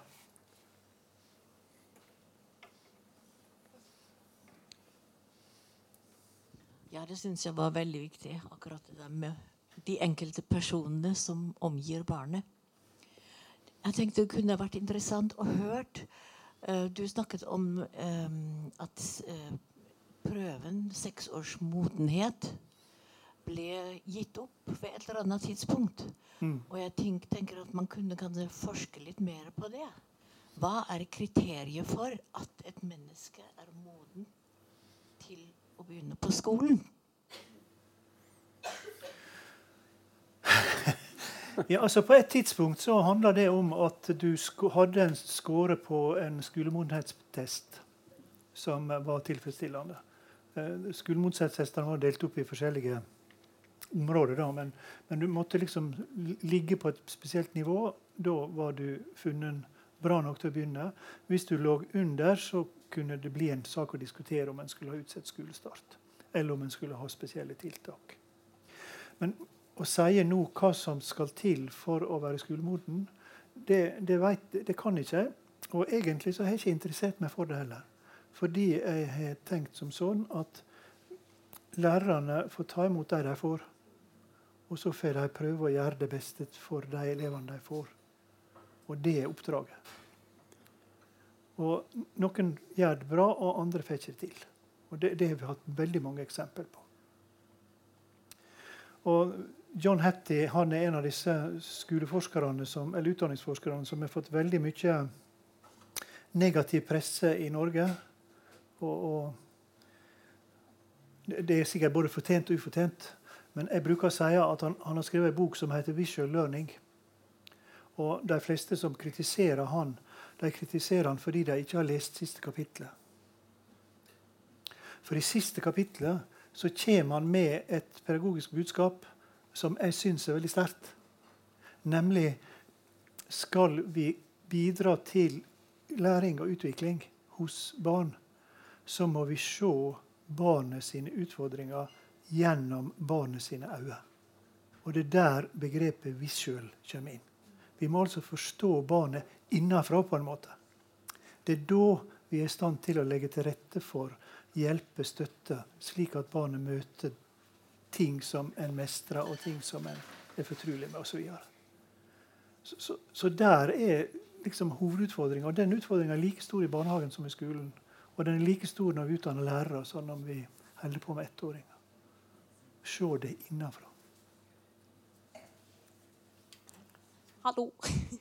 um, ja um, Jeg tenkte egentlig veldig mye på det du sa om det her perspektivet om den forskjellen på å se på barnet som et barn og en elev, og at det akkurat i det ligger eh, en del Ikke løsninger, men jeg tror det er mye verdi i det. Og jeg tror også jeg har på en måte sett det litt i praksis. Eh, jeg var, når jeg studerte på lærerskolen, nå studerer jeg spesialpedagogikk, eh, så var jeg i praksis i en førsteklasse. Eh, og da læreren han var utdanna barnehagelærer, eh, og så skulle de ha matematikk. Og så Og han var Altså, det som var viktigst for han, den læreren her, det var at, at For vi alle vet jo at barn de søker mening. Det er det de alltid gjør. De sø, altså prøver å, å forstå hvorfor, hvorfor er ting som det er. Og og det her perspektivet og det synet på barnet det hadde han med seg gjennom alt eh, vi gjorde. Og det var så fantastisk å være i den klassen, for det var så skulle de ha om de skulle begynne å lære om centimeter og meter. Og så var det ja, men hvorfor skal vi, hvorfor skal vi ha det? Hva, hvorfor trenger vi det her måleredskapet, da? Og Da gikk de alle sammen ut, og så hadde de noe konkurranse med noe papirfly. og så skulle se hvor langt, og så måtte de jo finne ut av hvem, hvordan skal vi finne ut av hvem som vinner. Og så målte de opp med skjerf og Ola sine skritt og masse forskjellige. Men liksom, hvordan skal vi komme frem til én felles ja, Dere skjønner tegninga. Og og så ved å sette det i kontekst, så kommer de inn i klasserommet igjen, og så må de finne ut av sammen hvorfor trenger vi meter. Hvorfor trenger vi centimeter? Jo, for at vi skal bruke det sånn og sånn. Og jeg tror det der det ligger mye verdi da, i det her perspektivet den læreren hadde. At han så barnet, og at han forsto at det er det de hele tida søker, det er denne meninga. Og jeg tror det Ja. At det kan, det kan være et start, det der med å integrere den systematiske læringa i leken. da. I hvert fall i skolesammenheng. Så det, det var bare det jeg ville si. Kanskje en start. Ja, så det her. Et lite øyeblikk, så kommer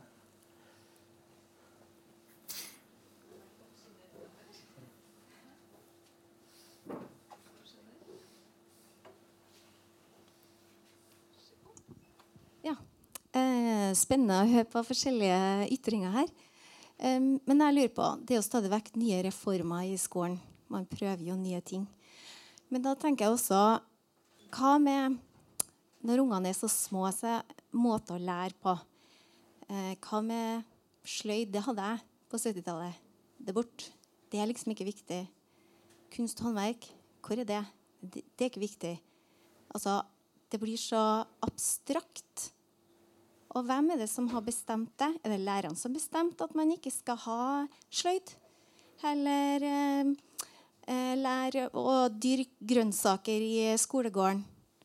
Hva Ja. Så jeg tenker, hvordan skal det bli for eh, seksåringene når vi skal prøve å tenke nytt? Og det er borte også. Men der har vi jo eh, alltid hatt en utfordring i de siste årene. Nemlig at eh, kompetansen i kunst og håndverk er redusert. Timene er redusert. Og Anne Bamford har jo evaluert norsk eh, kunst- og håndverkundervisning og peker på at den er heller ikke seriøs nok. Altså at Vi har på en måte brukt kunst- og håndverksfagene som eh, leik, misforstått leik. Altså det skal være litt kos og hyggelig. og, og sånne ting. Mens hun, hun, peker jo på det at hvis du bruker kunst og håndverk på kunstens premisser Det er ingenting som er mer intensivt, konsentrert, systematisk enn å jobbe med et kunstnerisk uttrykk. Så hun mener jo det at eh, Norge har mye å hente på å både ha bedre utdanna kunst- og håndverklærere, flere timer, men også jobbe mer konsentrert. For da har faktisk det å jobbe med praktiske aktiviteter i kunst og håndverk også overføringsverdi til mer akademiske fag. Noe hun har gjort i en bydel i London. Og fått opp fagnivået i ulike fag gjennom å bringe inn kunstnere som lærere i kunst- og håndverksfag. Så, så, der har vi en uh, lang vei å gå. Og vi har en tradisjon i Norge også for å være ganske kognitivt orientert. Vi har hatt ungdomstrinn i utvikling som da eh, kom med Kunnskapsløftet, eh, hvor lageret var praktisk og variert. Samtidig som at man da vektla ferdighetene som er kognitive, altså lese og regne osv. Så, og så, videre. så vi, vi mangler en forståelse for sammenhengen mellom kropp, kognisjon, aktivitet, kunst og varierte uttrykksformer, som også er en større del av barnehagen enn det er, er i skolen. Så der har vi en lang vei å gå, eh, syns jeg. Men i kunst og håndverk så er det en veldig diskusjon nå om hva for en tradisjon en egentlig skal legge seg på. Skal en legge seg på kunstveien, eller skal en legge seg på håndverksveien? Og um, det er flere og flere som vil bort fra kunstveien og over til håndverksveien. Fordi håndverket Altså det å kunne bruke en tollekniv eller ei sag eller en høvel eller, eller ei synål eller sånt, altså det gir en kompetanse som en kan ha nytte og glede av i veldig mange sammenhenger. Mens uh, den kunstveien den har ført til at kunst- og håndverksfaget har blitt veldig akademisert og veldig eliteorientert. Og det betyr at flere og flere har færre og færre forutsetninger for å kunne følge med i faget. Og det går i samme retning som matematikken har gått, som norskfaget har gått, som eh, eh, samfunnsfaget har gått. Det, det, blir altså mer og mer teoretisk, mer og mer abstrakt og mindre og mindre brukelig. Eh, jeg viste fram, Da det var forskningsdager i Volda, så viste jeg fram boka som jeg hadde på skolen fra 4. til 7. klasse og som heter 'Landkunde'. Det var en bok på 60-70 sider. Og I den boka så sto alt som vi lærte på skolen i geografi og eh, litt natur, naturgeografi. Hvis jeg hadde tatt med bøkene som ungene i dag har om det samme, så vet jeg ikke om jeg har klart å løfte dem engang. Altså, omfanget er blitt så stort. Og eh, si, forventningene til hva som skal kunnes, er så store og så omfattende at det, det er nesten ikke mulig å tenke seg at en for vanlige folk er i stand til å gripe det. Så dette er også diskusjoner som går. Men de som styrer disse prosessene, det er jo de som styrer læreplanene. Og det er politikerne, til sjuende og sist. Jeg heter Lars Petter Eggesbø, rektor på Strindheim skole.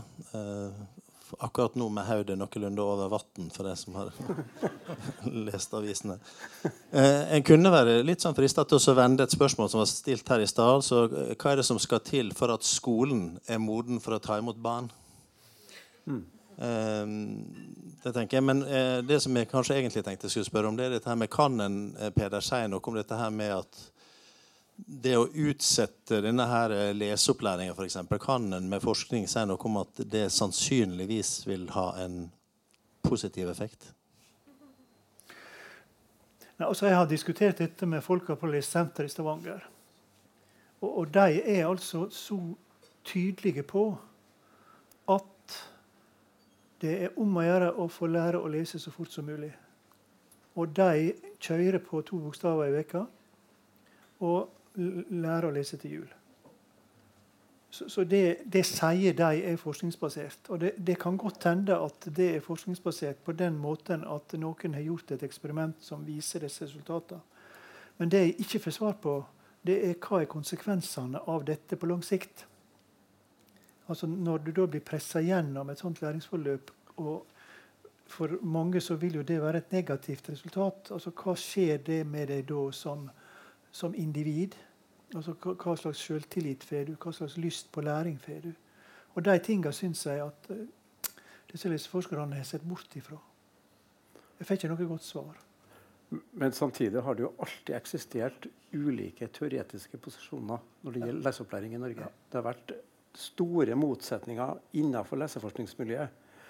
Men det som jeg syns er viktig, er å tenke over at uh, det som skjer i dag, er jo at barn har eh, en annen type leseopplæring før de begynner med bokstaver.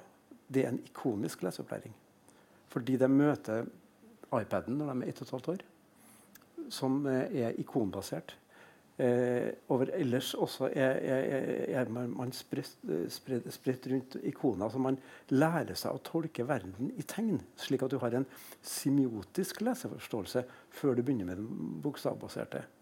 Og, og, det bør man jo ta med seg inn i uh, situasjonen. Uh, for det som også er en utfordring, er jo det at den bokstaverte den gir deg kanskje en rask inngang til lesing med avkoding. Men ikke nødvendigvis lesing med forståelse. Og det vi ser nå er jo at På mellomtrinnet så er det for elever ofte utfordring når de har kommet seg, den, kommet seg gjennom lesing med avkoding og så skal du begynne å lese med forståelse. Og på, på mellomtrinnet får du litt mer kompliserte tekster. Litt mer sakprega tekster. Og så detter mange av. Og en del av det vi ser av dem som er blitt intervjua, av dem som er såkalt drop-offs til videregående skole, de peker jo tilbake på leseopplæringa på mellomtrinnet. Altså at de datt av. De datt av i skolen på mellomtrinnet fordi de greide ikke å lese med forståelse. Slik at det kan være en sånn kortsiktig gevinst med denne bokstaverte lesinga. At du, du, raskt da på testen mm. eh, kan si at vi har fått opp gjengen. Eh, men lesing det er jo en erkjennelsesprosess. Lesing er ikke en avkodingsprosess.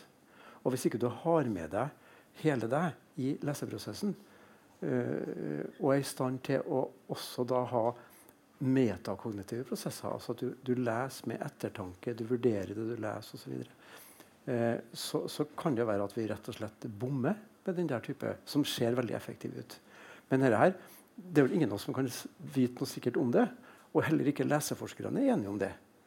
Uh, så her tror jeg man må i hvert fall være varsom i forhold til å ha kontakt med de elevene man jobber med, og prøve å jobbe med denne forståelsesgreia. Og da må i hvert fall lesninga være kontekstbasert.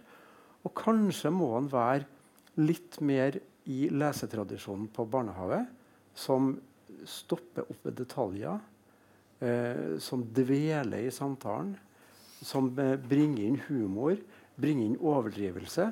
Altså høytlesningsprosessen i barnehagen kan være en viktig forutsetning for å kunne lese med forståelse senere.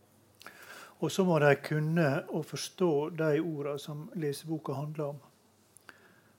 Altså, Jeg leste i leseboka til ene barnebarnet mitt om et dikt der de slengte telefonrøret rundt i en streng. Og hun har jo ikke sett en telefon med telefonledning. Og fasttelefon Hun aner ikke hva det er. Altså, du var inne på det i stad. Altså, det, det, å være opptatt av hva det er som er elevenes sitt, sitt kunnskapsgrunnlag. Hva vet de om? Hva kan de? Hva er de opptatt av? Altså, skal du lære å lese, så er det jo utrolig mye enklere å lære å lese når du lærer å lese om det som omgir deg, eller når du lærer å lese om ting du ikke har peiling på. Og De som jobber med, med flerspråklige barn, vet jo dette fra dag én av. at Et av hovedproblemene de har, er jo at begrepene våre kan ikke de. Og det å lese om et begrep du ikke kan, det, det blir jo som for oss å lese finsk. Jeg er jo kjempegod å lese finsk. Men jeg forstår jo ingenting. Og det er lett å lese finsk fordi du kan lese det bokstav for bokstav. Da er det der. Ja, Jon André Hansen heter jeg. Eh, nå er jeg rektor i Trondheimsskolen. Jeg har tidligere hatt erfaring som hovedtillitsvalgt for Utdanningsforbundet. Og vært øvingslærer for gamle HIST, eh, lærerskolen. Og vært lærer, da, selvfølgelig. Eh, takk for innledninga. Veldig interessant. Du snakka om noen årstall her. 2001-2003 og det som skjedde rundt her. Jeg kom inn i Trondheimsskolen på det tidspunktet og var jo med og så at de disse førskolelærerne bl.a. forsvant ut én etter én, og det ble mer fokus på læringstrykk.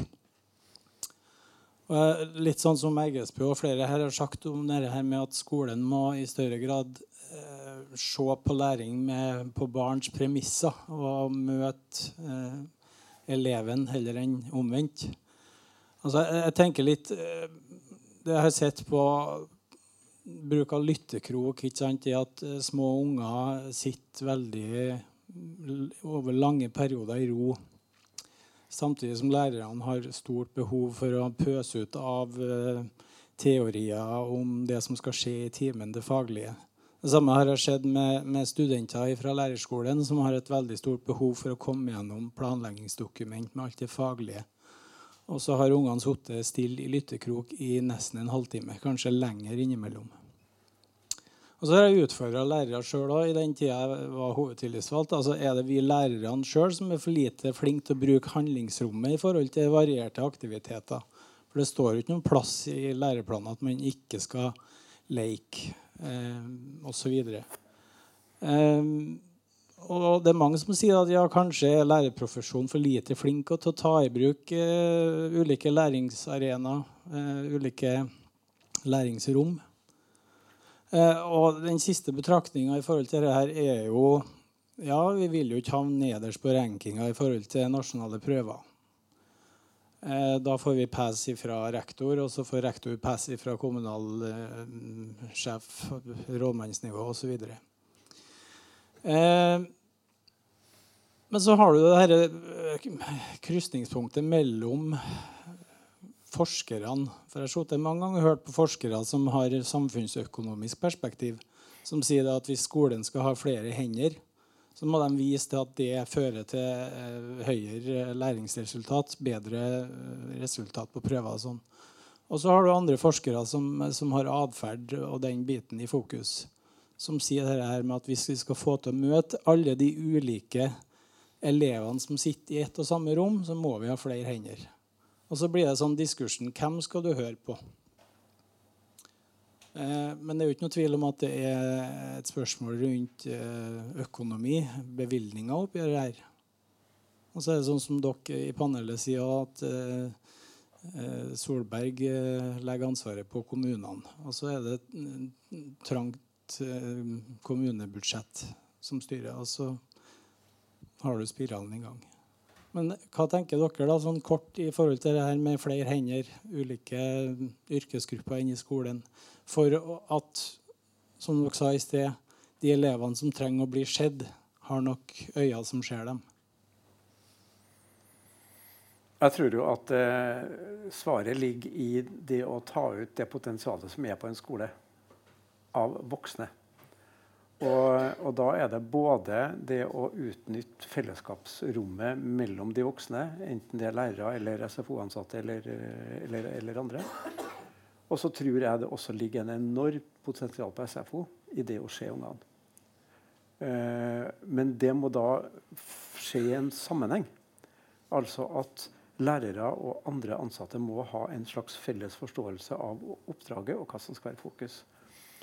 Eh, jeg har hatt gleden av å å, å, være med på å jobbe med eh, nye Huseby barneskole som universitetsskole. Eh, som en del av det så hadde vi da en etterutdanning, eller en videreutdanning for samtlige lærere. Men så laga vi en tilsvarende etterutdanning for alle SFO-ansatte. Slik at lærere og SFO-ansatte hadde på en måte mye av det samme kunnskapsgrunnlaget til å gå inn og jobbe med elevene. Og da syns jeg å se at eh, SFO-ansatte har eh, en enorm mulighet til å bidra i sammen med lærerne, så fremt at de opererer innenfor den for, for samme forståelsesrammen og har noe av det samme fundamentet sammen. Så det å utnytte alle de eh, armer og bein som allerede er der, tror jeg faktisk er fortsatt ganske mye å, å, å, å ta tak i. Og i hvert fall så tror jeg det er viktig å starte der og gi rom for å, jobbe kollektivt eh, der. Og at du har ledere som er i stand til å igangsette denne type kollektive prosesser. Hvor vi på en måte er litt samla om hva skal vi få til på vår skole det tror jeg, der tror jeg det er mye å hente. Det er jo et dilemma at um, norsk skole er en av de skolene i verden som har best økonomiske vilkår.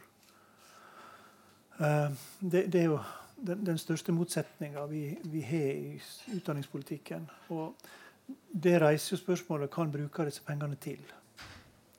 Og det å få hull på det spørsmålet har vært fryktelig vanskelig. Altså rett og slett vite hva, hva en får igjen for dem. Og jeg har en kjepphest i så måte som er, er egentlig en bagatell. Eh, for jeg sier til skolesjefen at hvis du vil kaste vekk penger på skolen, så sett for all del mer enn én lærer i klassen samtidig. For det er vekkasta. For de lærerne som er der som ekstralærere, der er mønsteret at de gjør nesten ingenting. De bare sitter og ser på og hører på. Det er det vi kaller radiatorlærere. Men så har vi forskning som viser og den forskninga er for så vidt gammel, men vi har ny forskning også, at når en får disse ekstralærerne til å gjøre noe, altså når en får til et samarbeid mellom ekstralæreren og den som, eller alle som er der, for så vidt, Eh, jeg var på en Trondheim-skole for noen år siden. Der var vi sju voksne. Eh, det var lite fruktbar bruk av folk. Men, men hvis en får disse folka til å arbeide sammen, og, og til å yte og være si, innforstått med hva dette går ut på, og hvordan reglene her er, så er det jo en fantastisk ressurs som en kan få enormt mye ut av. Så, så, det du sier om å bruke det en har, på en god måte, det er jo det beste utgangspunktet. Jeg kommer jo fra Møre og Romsdal, og der mangler vi jo penger ikke bare til skole, men til sykehus også. Og det er fordi at eh, sykehusene her i byen har tatt pengene våre. Så det snakker vi om. og det, det aktualiserer på en måte at det, altså Pengespørsmålet vil alltid være der. Sånn, en kjempeutfordring. Men eh, det er problematisk med den type samfunnsøkonomi som lager to parametere. Mm. Det er budsjett og karakterer. Det blir altfor enkle parametere til å forstå kompleksiteten i, i, i skole. Nei, for En kunne jo koble det til kriminalitet f.eks. 20 år etterpå. Ja. For de som, eh, mange av de som er i fengslene våre, er jo blant de elevene som vi ikke har klart å få gitt et skikkelig tilbud. Men da kommer ikke eh, på kartet det året løyvinga var gitt, men det kommer dit 20 år etterpå. Så det bare illustrerer det du mm. sier, at det er relativt sammensett. Det er noen som sier det at skolens produkt er åndelig. Og det er veldig vanskelig å måle. Mm. Vi nærmer oss eh, slutten. Vi vet jo at når det ringer ut, så er det vanskelig å få oppmerksomheten fra kateteret. Så før klokka ringer nå, så har jeg et spørsmål til dere to. Har dere noen sluttkommentarer?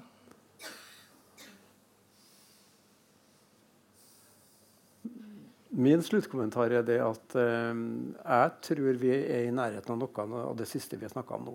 Nemlig å, å, jobbe med det vi har. Eh, ha et fokus på det vi har. Og kanskje jobbe såpass grundig at vi etter hvert kan få en forståelse av hva et barn er. Eh, slik at vi kan være i stand til å bygge faglighet og utvikling i, i det barnet.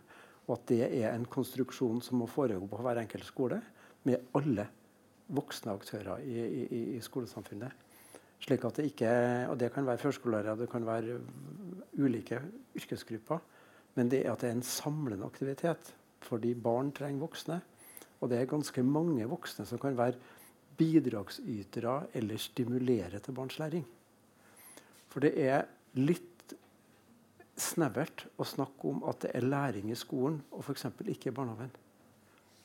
Hvis du tenker på hva som foregår i en barnehage, så kan du like gjerne bruke ordet læring som leik i en del sammenhenger. Så det å la de her konstruksjonene med leik, læring osv. Eh, vi kan like gjerne bare snakke om læring. Og også snakke om at tidlig innsats den er allerede der, for det er barnet som skal ha innsatsen. Det å snakke om at andre skal ha innsats, det er et blindspor, fordi det er faktisk sånn at du skal tilrettelegge slik at barn øker innsatsen i sin egen prosess på en sånn måte at når de voksne skal støtte den prosessen, så er det minst mulig innsats fra voksne for å få til mest mulig utvikling øh, hos barnet. Og Det er sånne typer ressursting øh, vi, vi, må snakke om. og Det, det egentlig motivasjon handler om i læringssammenheng, det er å øke eleven sin innsats i sin egen læringsprosess. Og den må ha rot i eleven sjøl, altså i barnet eller, eller, eller mennesket. Hvis man da kan fokusere litt på hva skal det være hos oss, og hvordan kan vi bruke alle våre krefter best til, så, så, tror jeg faktisk løsningen ligger i den enkelte skole. Jeg er helt enig i det du sier. Det jeg hadde tenkt å si nå, det er at jeg er veldig opptatt av utenforskap. Altså at elever, eller barn også for den del, blir utafor. Og en av grunnene til at eh, barn og elever gradvis blir utafor, det er at de faglig stadig kommer til kort. Slik at de i de faglige sammenhengene har mindre og mindre å bidra med. Og forstår mindre og mindre. Og til slutt så forstår de så lite og er så utafor at de rett og slett melder seg ut. Og, og det som er si, løsninga her, det er jo det du er inne på, altså den tidlige innsatsen. Sørge for å gi barna et så godt fundament på de helt grunnleggende tinga som gjør at de har en viss sjanse for å henge med. Og det mest grunnleggende av alt, i tillegg til å ha tro på seg sjøl, det er jo å kunne lære å kunne lese. Å kunne lese med forståelse. Jeg tror at hvis vi hadde holdt på med lesing som fag i fire år, så hadde vi fint klart det. For, for vi leser jo om ting. Mm. Altså, vi leser jo ikke uskjønnlige tekster hele tida, så vi kunne jo lese om forskjellig. Men det å henge med faglig syns jeg er utrolig viktig. Mm. Takk. Før vi sier uh, takk for i kveld og vel hjem, så er det vel slik at Steinerskolene gjerne vil gi en liten oppmerksomhet til uh, foredragsholderne.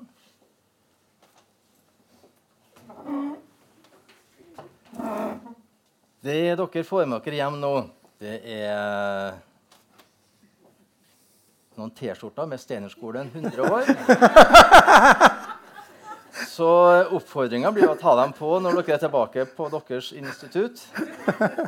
Og hvis dere mot formodning eh, har behov for mer informasjon og læring om Steinerskolen, så er det med et lite hefte her også. Men før dere får det, så vil jeg bare si til alle sammen Jeg synes eh, Den andre timen her var prega av stor elevaktivitet, og det gjør en gammel lærer veldig glad. Men takk for at dere kom. Takk for eh, alle andre som kom. Og takk for nå. Vel hjem, og vær så god til de, dere to. Takk skal du ha.